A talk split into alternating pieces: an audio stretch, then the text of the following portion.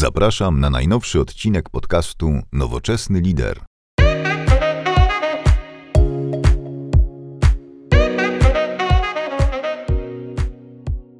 Dzień dobry, witam Was serdecznie w kolejnym odcinku podcastu Nowoczesny Lider. Dzisiaj moim gościem jest Wojtek Popłaski, e, dyrektor zarządzający firmy Accenture. Dzień dobry Wojtku. Witaj Sebastianie. Wojtku, powiedz mi tylko, gdzie Ty dzisiaj jesteś? Dzisiaj jestem w naszym, y, naszym przepięknym domku w Górach Kaczawskich. Myślę, że jak będzie okazja, to mogę też trochę o tym popowiadać, bo jest z nim związana y, niesamowita historia. Ale jesteśmy tutaj całą rodziną i tak powoli oczekujemy na ten okres świąteczny. Fajnie, no powiem szczerze, ja też jestem y, pełen zazdrości teraz, jak słyszę, że ktoś ma dom poza miastem, możliwość wyjechania na dłuższy okres czasu, spędzenia tam dobrze czasu, bo jednak te już parę miesięcy w czterech ścianach z wyjściami do biura na szczęście naprawdę są męczące. A jak ty to powiedz znosisz, mając taką możliwość odskoczni? Znaczy przede wszystkim, przede wszystkim dla mnie dużym szokiem było to, że z dnia na dzień y, y, musiałem przestać podróżować. W mojej pracy ja, ja praktycznie w każdym tygodniu, co drugi tydzień y, gdzieś wyjeżdżałem i przyznam szczerze, że bardzo się do tego przyzwyczaiłem. I początkowe y, tygodnie były, były bardzo trudne. I, I myślę, że po dwóch miesiącach już nie byłem w stanie pracować z jednego miejsca. No i zaczęliśmy tak właśnie y, z żoną ustalać, że będziemy trochę y, tutaj przyjeżdżać, bo mamy akurat tą, to szczęście, że mamy to miejsce. Mieszkają tutaj też nasi rodzice. Dlatego, dlatego tak korzystamy z tego trochę w Warszawie, trochę tutaj, w zależności od tego, y, jakie mamy obowiązki y, związane rzeczywiście z pójściem y, do biura. No i myślę, że to miejsce pozwala nam ładować akumulatory. Zwłaszcza, że możemy tutaj zapomnieć o maskach, możemy tutaj zapomnieć o, o tych ograniczeniach, no jednak, jednak przyroda, przyroda pobudza wyobraźnię i, i poprawia nastrój. Ja myślę, że to będzie też dobry wstęp do pytania, które padnie gdzieś tam w w naszym podcaście trochę później. E, on jest bardzo ważny dla wielu liderów na pewno. Ale już jeśli wspomniałeś już o, o swoich podróżach i, i o pracy z Accenture, powiedz, czym na co dzień się zajmujesz? To jest zawsze, to jest zawsze najtrudniejsze pytanie. E, moi rodzice do dzisiaj nie potrafią e, zrozumieć, co ja takiego robię, ale mówiąc tak naj, naj, najprościej, w obecnej roli odpowiadam za, mm, za relacje z kluczowymi y, klientami globalnymi i jestem częścią organizacji Accenture Operations, która jest tą, tym działem, który w branży nazywa się fatalnie Business Process Outsourcing. Ja wolę nazywać tą część, można powiedzieć, rozszerzoną organizacją, rozszerzonymi operacjami klienta i oprócz zarządzania y, relacjami, no mam też dość dużą odpowiedzialność za, y, za wynik finansowy i praktycznie pracuję z ludźmi na całym świecie. Czyli z perspektywy COVID-a w mojej pracy wiele się nie zmieniło, bo albo gdzieś musiałem dojechać, dolecieć, albo po prostu spędzaliśmy czas y, na wideokonferencjach. No, no właśnie, powiem Ci, że ja miałem przyjemność pracy z kolegami z Twojej organizacji wielokrotnie i też powiem bardzo długo czekałem na nagranie tego podcastu, bo jednak powiem szczerze, że e, twoi koledzy zawsze wywarli, wywarli na mnie olbrzymie wrażenie jako bardzo profesjonalne osoby, olbrzymim zapałem i energią, no i jakby organizacja ma naprawdę bardzo mocną pozycję na rynku, prawda, jako firma, jako brand, także gratuluję serdecznie ale też jestem bardzo ciekaw, czy ty masz jakieś porównanie, bo praca w, w twojej roli zakładam wielu klientów, wiele różnych wyzwań, e, wielu klientów, wiele potrzeb, wiele kultur i tak dalej, i tak dalej. E, czy to dla ciebie jest łatwe zadanie do połączenia tych wszystkich kropek w jedną całość, czy to jest coś, co ci przychodzi bardzo łatwo? To jest bardzo, to jest bardzo, bardzo szerokie pytanie, Sebastian, i tak właśnie sobie próbuję ułożyć w głowie, od czego zacząć. Może zacznę, może zacznę od tego, mm, co jest chyba bardzo częstym dylematem liderów. Czy ja nie jestem za długo w jednym miejscu? Y, rozmawiam często z, z moimi kolegami, którzy, którzy zaczynali z nami, y, ze mną y, w Accenture i na jakimś etapie decydowali się żeby kontynuować swoją karierę w innym miejscu i tak spotykamy się na winie, na piwie. I oni tak mówią, Wojtek, czy ty się nie boisz, że może wiesz, że ty, ciebie tak zaszufladkują, że, że po tym jak będziesz naprawdę chciał pójść na rynek, bo już nie będzie nic ciekawego dla ciebie, no to nie znajdziesz pracy. nie znajdziesz po prostu pracy, bo wiesz, bo ty całe życie robisz to samo. No i przyznam szczerze, że po takich y, spotkaniach, no zostaje to trochę w głowie, że wracam do domu i tak się zastanawiam, cholerka, czy to, czy może oni mają rację, bo, ale, ale, ale przyznam szczerze, to jest bardzo, jest to bardzo krótka refleksja i nawet jak mamy te rozmowy, to, mm, to, to jest chyba bardzo prosto y, odpowiedzieć. Przede wszystkim nie ma to znaczenia, jak długo się jest y, w danej pracy, od kogo się dostaje y, wynagrodzenie, tylko czy ma się ciekawą pracę, czy ma się ciekawe zadania, czy poznaje się ciekawych ludzi. I myślę, że mm, zapominając o tym, y, kto płaci mi wynagrodzenie, ja mam wrażenie, że tak naprawdę ja pracuję dla wielu naszych klientów, bo tak jak powiedziałem, w naszym dziale Operations y, my jesteśmy takim rozszerzeniem operacji klienta, czyli w dzisiejszych czasach to już nie można mówić o czymś takim jak y, dostawca. Y, po angielsku jest to fatalne słowo vendor, które jest takie bardzo, bardzo transakcyjne. Od wielu lat my jesteśmy partnerami i, i, i to budowanie takiej, takiej wspólnej kultury i takiego wspólnego nastawienia na, na maksymalizowanie y, sukcesu y, klienta, no jest kluczowe. I, I, myślę, że to, co mnie nakręca, to przede wszystkim możliwość poznawania nowych osób, y, codziennie inne wyzwania. Żaden klient nie pozwala nam się nudzić. I nie oznacza to, że, że zawsze jest wspaniale, cudownie i tak dalej, ale mi się wydaje, że jak nie mamy wyzwań, nie mamy możliwości zdobywania doświadczenia, nie możemy się uczyć, to, to musi być strasznie nudno. Też powiem Ci z doświadczenia osoby, która pracowała też w firmach, no, w firmie jako partner wewnętrzny, no to jednak y, i przechodząc później do firmy, która miała różnych klientów, no to patrząc z perspektywy organizacji, którą masz, masz jedną monolityczną kulturę i miarę system wartości taki sam w firmie, komunikację podobno, podobnie budujesz pewne rzeczy, a mając wielu klientów, nagle masz różne kultury, różne systemy wartości, różne budowanie komunikacji i to jest moim zdaniem bardzo trudne połączyć w, w jednym czasie, żeby trochę się nie zagubić w tym wszystkim. Jeszcze masz tego pewnie coś, co pewnie Accenture traktuje jako własną wewnętrzną organizacyjną kulturę i, i, komunikację w jakiś własny wewnętrzny sposób i na to wszystko nakłada się jeszcze ileś innych wiesz, wpływów twoich klientów. To jest zawsze dla mnie było ciekawe, byłem zawsze pełen podziwu dla osób, które sobie spokojnie to łączą bo to nie jest trywialne, ale kogoś, kto nie był w tych dwóch rolach, to może być to niezrozumiałe. Także polecam zawsze spróbować stanąć w miejscu Wojtka i popróbować takich wyzwań. Dobrze Wojtka, ale powiedz mi, zanim trafiłeś do Accenture, powiedz mi, jak wyglądała twoja kariera? Czyli co robiłeś wcześniej, zanim tam dotarłeś? I czy w ogóle to był twój, twój plan, marzenie być w Accenture, czy stało się to przy okazji? Myślę, że to jest y, bardzo ciekawa historia i niewiele osób y, o tym wie, ale Moją, y, moją karierę zawodową, jeśli można, czy nawet ścieżkę zawodową, zacząłem od pracy naukowej. A że jestem z wykształcenia ekonomistą, to można się zastanawiać, co naukowego można robić y, w ekonomii. I ja akurat studiowałem y, na Uniwersytecie Gdańskim, na takim dość słynnym i ciekawym Wydziale Ekonomii w przecudownym Sopocie. I, I, miałem szansę, bo myślę, że te pierwsze, pierwsze trzy lata y, tych ogólnych, y, ogólnych studiów to był taki, taki typowy, typowy tryb, ale, ale pamiętam, że będąc na tym wydziale, y, takim największym marzeniem było dostać się na, na seminarium magisterskie do, do profesora Pietrzaka. Y, świętej pamięci profesor Pietrzak był niekwestionowanym autorytetem w temacie rynków finansowych.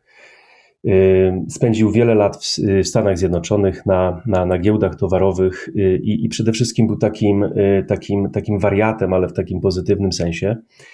I on tak y, zaszczepiał w nas tą pasję, pasję trochę do, do biznesu i do nauki. Ale moja przygoda z nauką zaczęła się już na trzecim roku w moich studiów i dostałem pracę w Instytucie Badań nad Gospodarką Rynkową. Był to jeden, jeden z pierwszych y, think tanków, y, takich można powiedzieć ekonomiczno-gospodarczych, który powstał po 1989 roku. I była to, można powiedzieć, taka, taka, takie pierwsze doświadczenia z y, prywatną wersją w postaci fundacji realizowania różnych zadań badawczo-naukowych. I Instytut, y, Instytut myślę, w tamtym okresie, y, jaki pamiętam, y, pełnił niesamowitą rolę, bo naukowcy i pracownicy Instytutu uczestniczyli w wielu pro, programach i projektach związanych na przykład z prywatyzacją, z tak naprawdę zbudowaniem tej gospodarki rynkowej w Polsce. Była to, była to formacja, która trochę powstała przy liberałach gdańskich. Czyli ta myśl, myśl wolnorynkowa i, i takie rzeczywiście odklejenie bardzo mocne od y, y, realizmu socjalnego to było, to było po prostu niesamowite doświadczenie dla takiego y, dwudziestoparoletniego gówniarza. I, I tą pracę dostałem całkowicie przez przypadek. I nawet o tej pracy nie myślałem. Mój, mój kolega Jacek był akurat na, asystentem naukowym tak to się ładnie nazywało y, w, w instytucie i był kilka lat starszy, y, mm, skończył studia, wyjechał do Warszawy, no i, i polecił mnie. I poszedłem na takie spotkanie, praktycznie nie było żadnej konkurencji. Y, poznałem niesamowitego pana Piotra Tamowicza, niesamowity człowiek i i myślę bardzo duża inspiracja dla mnie y, mm, w tamtym okresie. No i praktycznie ta, ta rekrutacja trwała chyba z 15 minut. Zadał mi tylko kilka pytań, czy znam Excela, czy lubię ciężko pracować i czy trochę kojarzę angielski. No i, i, i myślę, że to polecenie, polecenie Jacka miało takie duże znaczenie. No i tak, y, mówiąc o tej pracy, to mam Y, ogromny sentyment, bo przychodziliśmy tam sobie właśnie w t-shirtach, y, nie trzeba było chodzić y, w, w garniturach. Przewalaliśmy tony literatury, tony literatury naukowej, tony literatury anglojęzycznej. I moim zadaniem na początku no raczej nie było pisanie mm, jakichś przemyśleń i projektów ustaw czy, czy jakichś ciekawych rozwiązań, Raczej zajmowałem się y, formatowaniem tabelek, y, y, prostymi, prostymi formułami. Przyznam szczerze, że byłem ekspertem w instytucie od tworzenia korespondencji seryjnej.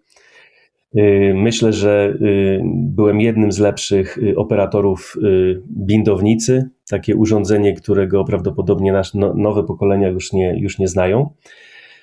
No i siedzieliśmy sobie w tych, y, w tych pokojach zarzuceni y, książkami, y, różnymi, różnymi pracami badawczymi, artykułami kolegów i tak sobie tam dłubaliśmy i próbowaliśmy tworzyć, tworzyć coś ciekawego. I myślę, że to było, to było niesamowite, niesamowite doświadczenie i myślę, że wiele osób, tak jak wspomniałem wcześniej, absolutnie nie ma o tym pojęcia, ale ale tak może bardzo krótko, co ja z tej pracy, co ja z tej pracy wyniosłem, bo rzeczywiście na pewnym etapie y, miałem wielką ambicję, że otworzę przewód doktorski, będę rzeczywiście szedł w tym kierunku, ale jednak y, zderzenie, mm, można powiedzieć, y, wynagrodzeń, mimo wszystko w, w prywatnym sektorze naukowo-badawczym z rzeczywistością i moimi już na tym etapie planami budowania trwałego związku małżeńskiego, jednak rachunek ekonomiczny był druzgocący i, i zacząłem poszukiwać pracy, pracy w biznesie, ale jednak po, po tych kilku latach,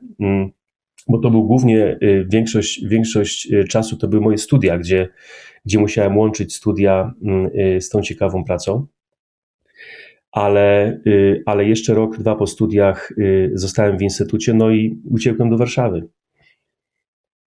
I co, trafiłeś po do Accenture, czy jeszcze było coś między y, tą pracą a, a twoim aktualnym pracodawcą? Myślę, że, że wiele osób powiedziałoby, że popełniam błąd, mówiąc to, co za chwilę powiem, ale oczywiście na początku y, lat y, 2000 marzeniem każdego ekonomisty świeżo upieczonego było dostać się do tej wielkiej piątki, czy chyba wtedy wielkiej czwórki. E, I, I, kolega, kolega Jacek, o którym e, wspomniałem, e, on był zawsze tak te kilka lat przede mną i pamiętam, że jak jeździłem do Warszawy, miał on takie skromne mieszkanko na Wierzbnie, zaraz przy metrze, ale piękny garnitur, kilka przystanków metrem do, do Emilii Plater i, i po prostu ta praca w Andersen. To po prostu było takie marzenie chyba każdego, I rzeczywiście marzyłem, marzyłem o, o tej pracy. Prawdę mówiąc, nie miałem zielonego pojęcia, czym jest audyt. Raczej, raczej podobało mi się, że to jest taka wielka międzynarodowa korporacja, że to są bardzo jasno ustalone zasady, że na początku dostaje się tyle, czyli wystarczy, żeby coś wynająć, godnie przeżyć, kupić ten czarny garnitur, czarny krawat. Yy, I oczywiście te marzenia o, yy, o tych wyjazdach yy, zagranicznych. No i przyznam szczerze, że próbowałem się dostać do Artura Andersena, który, który już chyba na tym etapie mm, ta część konsultingowa była Accenture, tak? Mówiłem na to Artur Andersen, bo wtedy Accenture było marką, która miała może rok czy dwa. No i byłem w fokusie na, na, mm, na wielkiej rekrutacji wtedy, jak y, prawdopodobnie też Sebastian pamiętasz, bo myślę, że jesteśmy w bardzo podobnym wieku, był y, bardzo silny rynek y, pracodawcy. I, i, I po prostu ludzie pisali, można powiedzieć, takie egzaminy. To, było, to wyglądało jak egzaminy kwalifikacyjne w hotelach, w wielkich salach, po 100 osób, po 200 osób Dzisiaj to myślę, te młode pokolenie i, i, nasi obecni pracownicy się śmieją, bo jednak dzisiaj proces rekrutacji jest bardzo zindywidualizowany i jednak cały czas jesteśmy na rynku pracownika. No ale to było duże wyzwanie i, i miało się bardzo dużą konkurencję. I przyznam szczerze, do Accenture się nie dostałem. Nie dostałem się do Accenture, oblałem chyba ten y, test y, SHL, nigdy nie dostałem, y, nie dostałem wyników, ale ale nie poddawałem się, jeździłem z tego Gdańska na kolejne, na kolejne można powiedzieć, spotkania. No i znalazłem, znalazłem któregoś dnia, y, siedząc właśnie y, w instytucie, przewracając jakieś, jakieś papiery, i wtedy, wtedy pracy się szukało w poniedziałkowej wyborczej. Tradycja, pamiętam oczywiście. I to wszystko było, i to wszystko było rzeczywiście takie, takie analogowe i znalazłem wielkie, wielkie ogłoszenie firmy, firmy Thomson Multimedia e, w Piasecznie pod Warszawą, która e, w tym czasach, to był 2003 rok, otwierała Centrum Usług Finansowych. I z perspektywy takiego chłopaka, który tam siedział, przewracał te papiery, coś tam pisał, jakieś artykuły, na temat ładu korporacyjnego, różne rzeczy, no mówię, kurczę, co to jest to centrum finansowe? No brzmi dumnie, będziemy coś liczyć, prawdopodobnie będziemy coś, będziemy po prostu jakieś transakcje e, wielkie przeprowadzać, skoro to jest Europejskie Centrum Finansowe. Akurat tak się składało, że, że, że posługiwałem się na tym etapie biegle językiem niemieckim. I chyba niemiecki był tym głównym kryterium, które, które przyciągnęło pracodawców, bo praktycznie Wysłałem swoją aplikację y, w poniedziałek. Poniedziałek y, wieczorem dostałem telefon, że muszę być we wtorek y, na rozmowie piasecznie. I, I, pamiętam, i akurat osoba, która kierowała rekrutacją, nie wiem, czy to był pech, czy to było szczęście, która kierowała rekrutacją w, w tej firmie, była wcześniej kierownikiem rekrutacji czy kadr w Accenture. Czyli jak możesz się spodziewać, yy, przewalono mnie przez te same testy, które paradoksalnie tymczasem wyszły całkiem dobrze i dostałem tą robotę. I, I myślę, dzisiaj to jest y, bardziej już y, y, popularne, że mm, firmy, zwłaszcza w naszym sektorze, przejmują się wzajemnie, czy powiedzmy jakieś centrum usług jest wchłaniane przez y, taką firmę jak Accenture, która, y, która, która świadczy te usługi y, firmom zewnętrznym. I wyobraź sobie, że po roku czasu te centrum usług finansowych zostaje przejęte przez Accenture. I pamiętam, I pamiętam jak dzisiaj, kiedy zagoniono nas do, do takiej dużej sali, przyjechał taki pan z Londynu i była też jakaś pani, która mm, z szeptu dowiedzieliśmy się, że jest szefową kadr w Accenture. No i nam ogłoszono, że od y, następnego miesiąca mamy nowego pracodawcę. I ja to zawsze, zawsze gdzieś tam opowiadam na różnych spotkaniach. Też mamy y, dużo takich projektów, gdzie, gdzie przejmujemy y, takie centra usług na zasadzie umów outsourcingowych z naszymi klientami. I myślę, że jestem dość przekonywujący i wiarygodny, jeżeli jestem tą osobą, Kiedyś to była osoba z Londynu, dzisiaj jestem to ja, stanę z przodu y, przed tą grupą i mówię, ja tam byłem. Co więcej, jeszcze jakby wiesz, pamiętasz, jakie to były odczucia, emocje, wiesz, jak to wygląda, nie, no to super dobry pomysł, że ty to robisz, Wojtek, naprawdę. Ja tej historii nie znałem twojej, więc jestem pełen podziwu. Jak można zawsze jednak trafić do firmy, które chciało się pracować na wiele, na wiele różnych sposobów.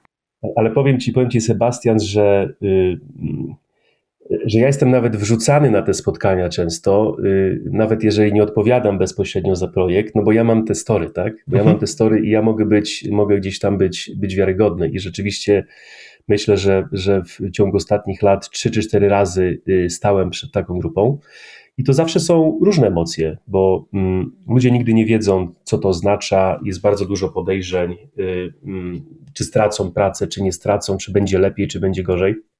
I to są bardzo trudne, indywidualne rozmowy, ale, ale myślę, że przez te swoje doświadczenie jestem dużo łat, jest mi dużo łatwiej y, w, y, postawić się po ich stronie. I, i jednak y, z tym podejściem indywidualnym myślę, udaje się te bariery pokonać. Zajrzyj koniecznie na blog nowoczesnylider.pl, gdzie znajdują się dodatkowe materiały dotyczące tego podcastu. To przy, przy okazji chciałbym trochę się zahaczyć o jeszcze jeden aspekt, który mnie zawsze interesuje, kiedy mam możliwość posłuchania takich doświadczonych liderów jak ty. To jedno wspomniałeś, że wiarygodność liderska jest bardzo ważna. Ale jakie są jeszcze inne potencjalnie cechy lidera, które chciałbyś powiedzieć są dla mnie, Wojtka, bardzo istotne, albo chciałbym je widzieć u innych liderów, którzy mnie otaczają? Mhm.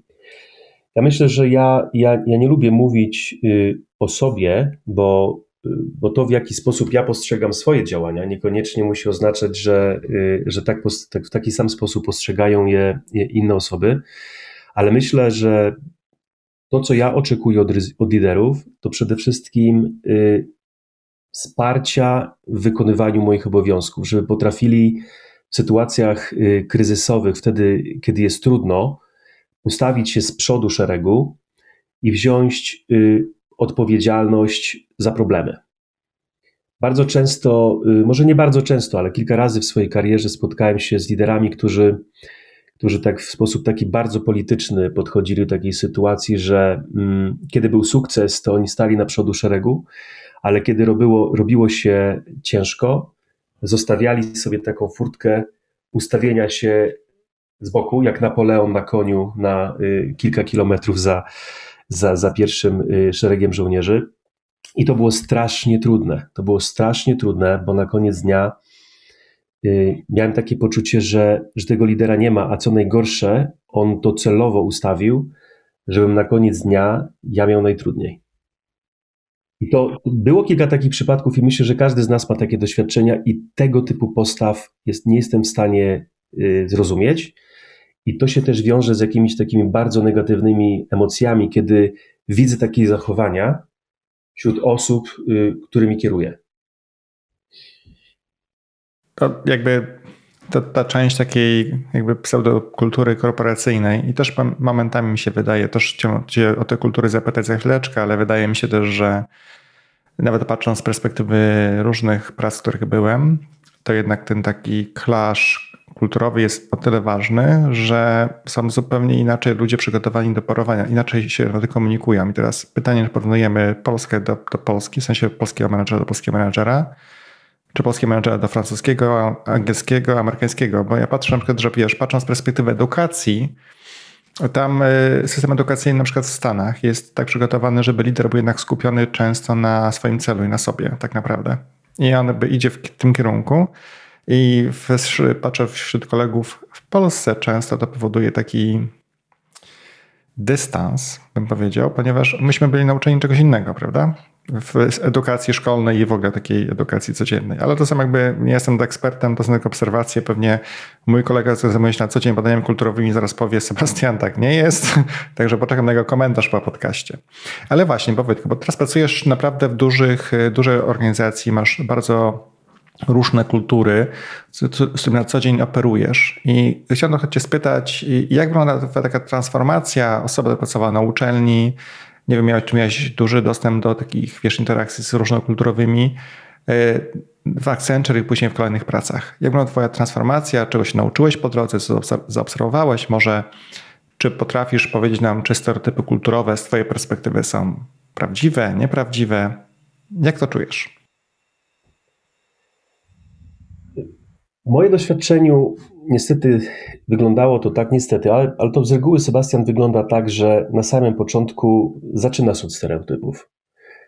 Jest pewna, jest pewna, y, jest zawsze, zawsze, zawsze, zawsze podkreślamy te cechy, które, które, y, które bardzo często wyśmiewamy, tak? Czyli mówi się, y, że Niemcy są tacy kwadratowi, zorganizowani do bólu, że Francuzi tylko piją wino i ciężko zrozumieć, jak mówią y, po angielsku. Tak? Y, Amerykanie są hura optymistyczni, wszystko jest genialne, cudowne, nawet jak się, jak się, jak się nie dzieje dobrze i zawsze się śmieją, chociaż tak naprawdę nie, nie, nie, nie wcale tak nie czują wcale tak nie myślą. Myślę, że w naszej, w naszej branży chyba największym i, i w tym globalnym świecie, gdzie bardzo dużo y, zadań operacyjnych jednak zostało przeniesionych do, y, do, do Azji, gdzie mamy, gdzie, ma, gdzie praktycznie na co dzień, myślę, że nawet po, poza naszym y, sektorem nowoczesnych usług, praktycznie każda firma spotyka się z jakąś formą outsourcingu. I każda firma, i nawet, nawet konsumenci spotykają się z osobą, która jest albo na Filipinach, albo jest w Indiach.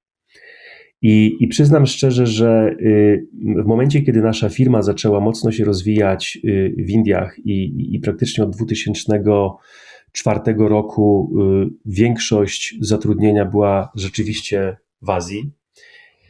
I zaczęliśmy współpracować, my jako Polacy, zaczęliśmy współpracować z Indiami. To był to bardzo, bardzo trudny okres, bo ponieważ wszyscy, wszyscy w Polsce patrzyli na Hindusów y, przede wszystkim z takiej pozycji wyższości. Y, I, i dodatkowo brak zrozumienia takich y, elementów i zachowań kulturowych, i, i od razu interpretacja i oskarżanie. I podam kilka przykładów. Przede wszystkim y, y, różnimy się, myślę, w Europie, ale też, też przede wszystkim w Polsce, z, z, jeśli chodzi o definicję czasu. Tak? Y, w Polsce punktualność jest, y, y, jest, jest bardzo wysoką jakością i też jest postrzegana z perspektywy szacunku do drugiego człowieka. Y, I myślę, to też jest związane kulturowo, myślę też z naszym jakimś tam myśleniem religijnym, tak, że, że jest ten początek, jest ten koniec, nie możemy tracić czasu, tak, bo, bo te, tego czasu jest coraz mniej i zawsze mamy to, to, to wbijane w głowie, czy sami sobie to wbijamy, że jest początek i koniec.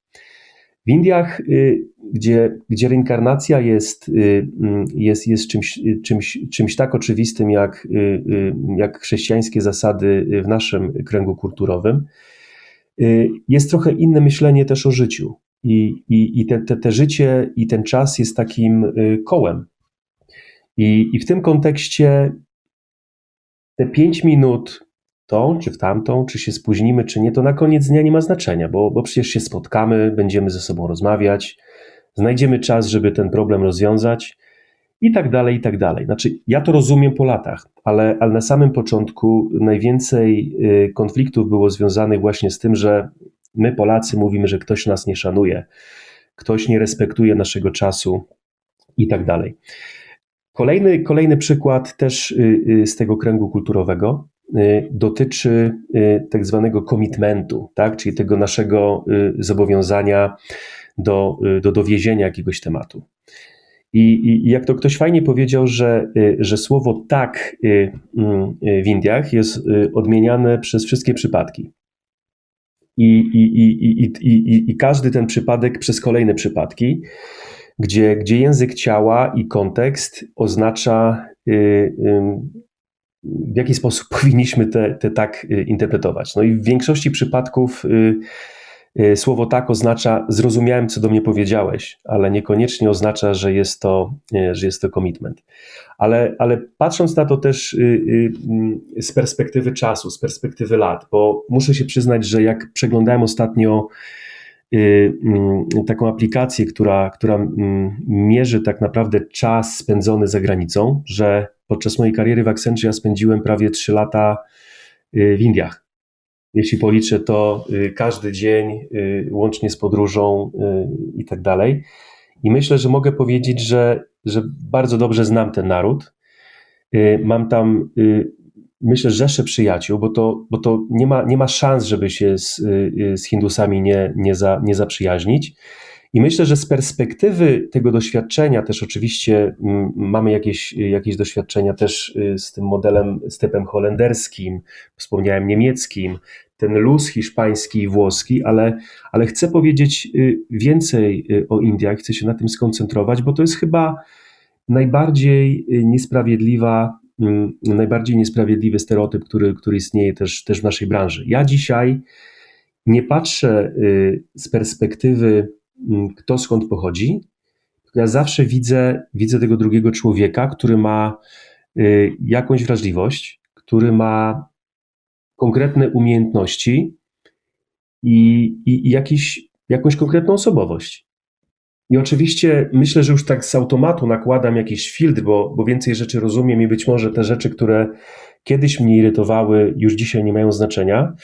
Ale, ale myślę, że, że to połączenie tej wirtualności jest najtrudniejsze, a, a to, że miałem y, ten, też to szczęście, bo myślę, że to jest też w jakimś sensie szczęście i, i, i taką możliwość spędzić tyle czasu w tym kraju, większość w biurze oczywiście, y, to jest, to, to, to, jest niesamowite. To, jest, to, to pozwoliło mi przede wszystkim dużo bardziej zrozumieć y, ten naród, do dzisiaj jestem pełen podziwu, że jadąc, jadąc taksówką y, y, przez te zatłoczone ulice, widzę nadal więcej osób y, uśmiechniętych niż zamyślonych lub smutnych. I ta taka, takie cieszenie się y, y, z y, obecności drugiego człowieka i ta niesamowita gościnność, Sebastian, to jest, to jest, to jest nie do opisania. I, I myślę, że tak jak w naszym kręgu kulturowym, zwłaszcza w środowisku męskim, i może, może tutaj znowu jakiś, jakiś stereotyp próbuję y, przywołać, nie wyobraża się, nie można sobie wyobrazić dobrej imprezy bez wina i bez, bez alkoholu, bez tej baśniowości, którą te, te różne trunki wprowadzają do naszego życia. Najlepsze imprezy bez kropli alkoholu miałem w Indiach. To prawda, to mi się wydaje, że można się łatwo zakochać w tym kraju, masz rację, że notabene ich gościnność i podejście do osób, które ich odwiedzają jest niesamowite. To, to prawda, no plus jedzenie, które kocham. Wiele innych miejsc na świecie również to bardzo lubię, ale faktycznie Indie mają tą magię w sobie. Ja też pamiętam taką sytuację rok temu, jeszcze byliśmy, wtedy byliśmy z moim kolegą w, w Stanach. On jest kolegą, prowadzi centrum w Indiach. I pamiętam, że to, gadaliśmy o tym, co robimy, dlaczego robimy. Ja mówię, wiesz co, no bo ja mam, ja robię fajne rzeczy, chcę robić fajne rzeczy, mam jedno życie. I zaraz się zreflektowałem, mówię, ale ty oczywiście, jako że wiesz, że reinkarnacje masz ich więcej, to oczywiście możesz mieć inne podejście, jak najbardziej to rozumiem. Także wiesz, refleks trzeba zachować za każdym razem, pamiętając, z kim się rozmawia. On się uśmiał bardzo wtedy z tego, co powiedziałem. Oczywiście bardzo go lubię i szanuję, bardzo dobry lider.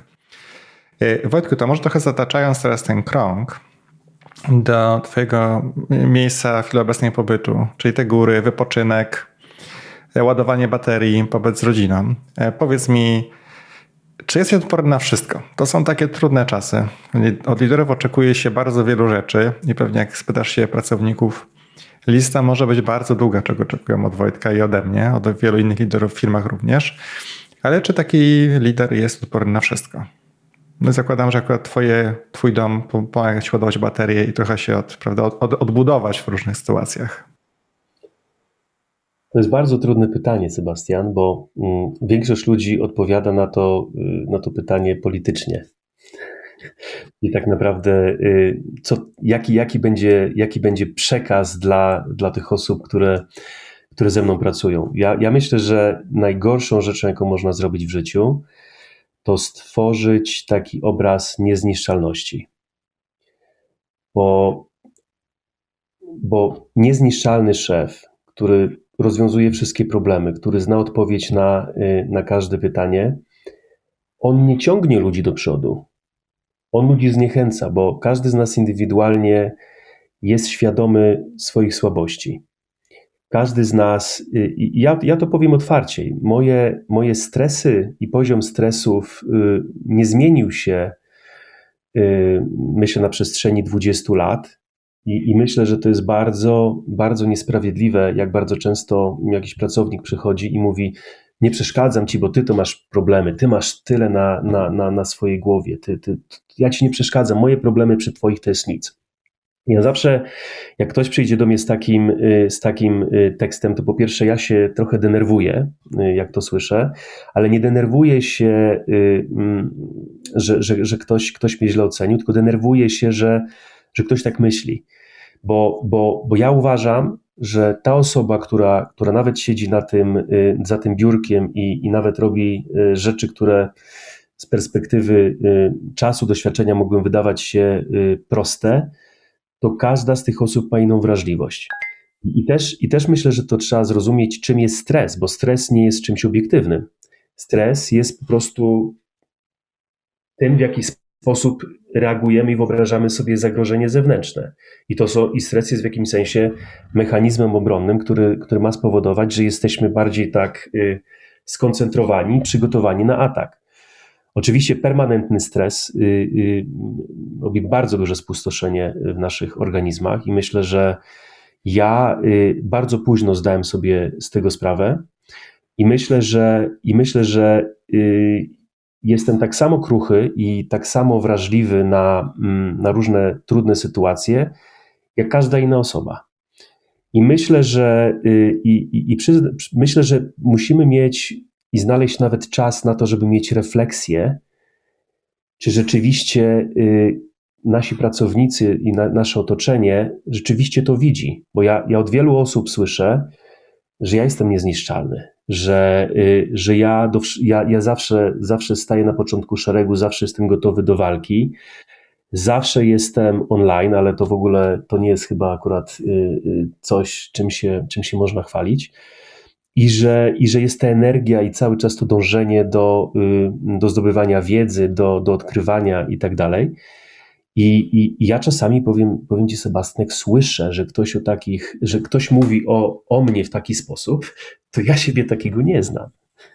I, i bo, bo, bo my jesteśmy w tych swoich głowach, projektujemy te różne sytuacje, a wiadomo, im, im większy jest, większa jest odpowiedzialność Y, zawodowa i się odpowiada już rzeczywiście za, za finanse firmy i, i zaniedbanie, zaniedbanie jakiegoś globalnego projektu może materialnie wpłynąć na wynik firmy i na kurs akcji, no to im dłużej się o tym myśli, tym, tym więcej człowiek się zastanawia, czy rzeczywiście to jest, to jest właściwe, właściwa rola ale, ale myślę, że to też trzeba, y, trzeba umieć drugiej osobie powiedzieć i stworzyć sytuację, żeby mieć tą konwersację. Bo mi się wydaje, że najtrudniejsze y, w pracy lidera jest nie zauważyć, że się stwarza pewien mur niedostępności i nie dostanie się feedbacku od pracowników, y, nie dostanie się informacji, że coś nie działa, i jest bardzo duże ryzyko, że będziemy podejmować decyzje w izolacji od rzeczywistości. I tak jak pytasz jeszcze o ten, o ten dom, z, z nim jest związana bardzo ciekawa historia. Moja żona akurat pochodzi z Legnicy, dlatego te tereny, mm, można powiedzieć, tutaj gór kaczawskich, tego Zakaczawia, y, to, y, y, to są tereny dla niej znane, ale oczywiście nie są to jakieś tereny rodzinne. I mamy przyjaciół, którzy, którzy zrezygnowali z takiego życia wielkomiejskiego i, mm, i na jakimś etapie zdecydowali, że, mm, że kupią jakąś ruderę właśnie tutaj tych, na tych terenach. I kolega miał taki pomysł, że on będzie kupował tą ruderę, y, będzie się do niej ze swoją żoną wprowadzał, będzie ją przez dwa lata remontował, potem ją będzie sprzedawał i będzie kupował nową i tak dalej. No i oczywiście on robi już dzisiaj kompletnie inne rzeczy, ale na tym etapie Y, miał taką wizję i, i ja, ja byłem zachwycony miejscem, którą stworzył.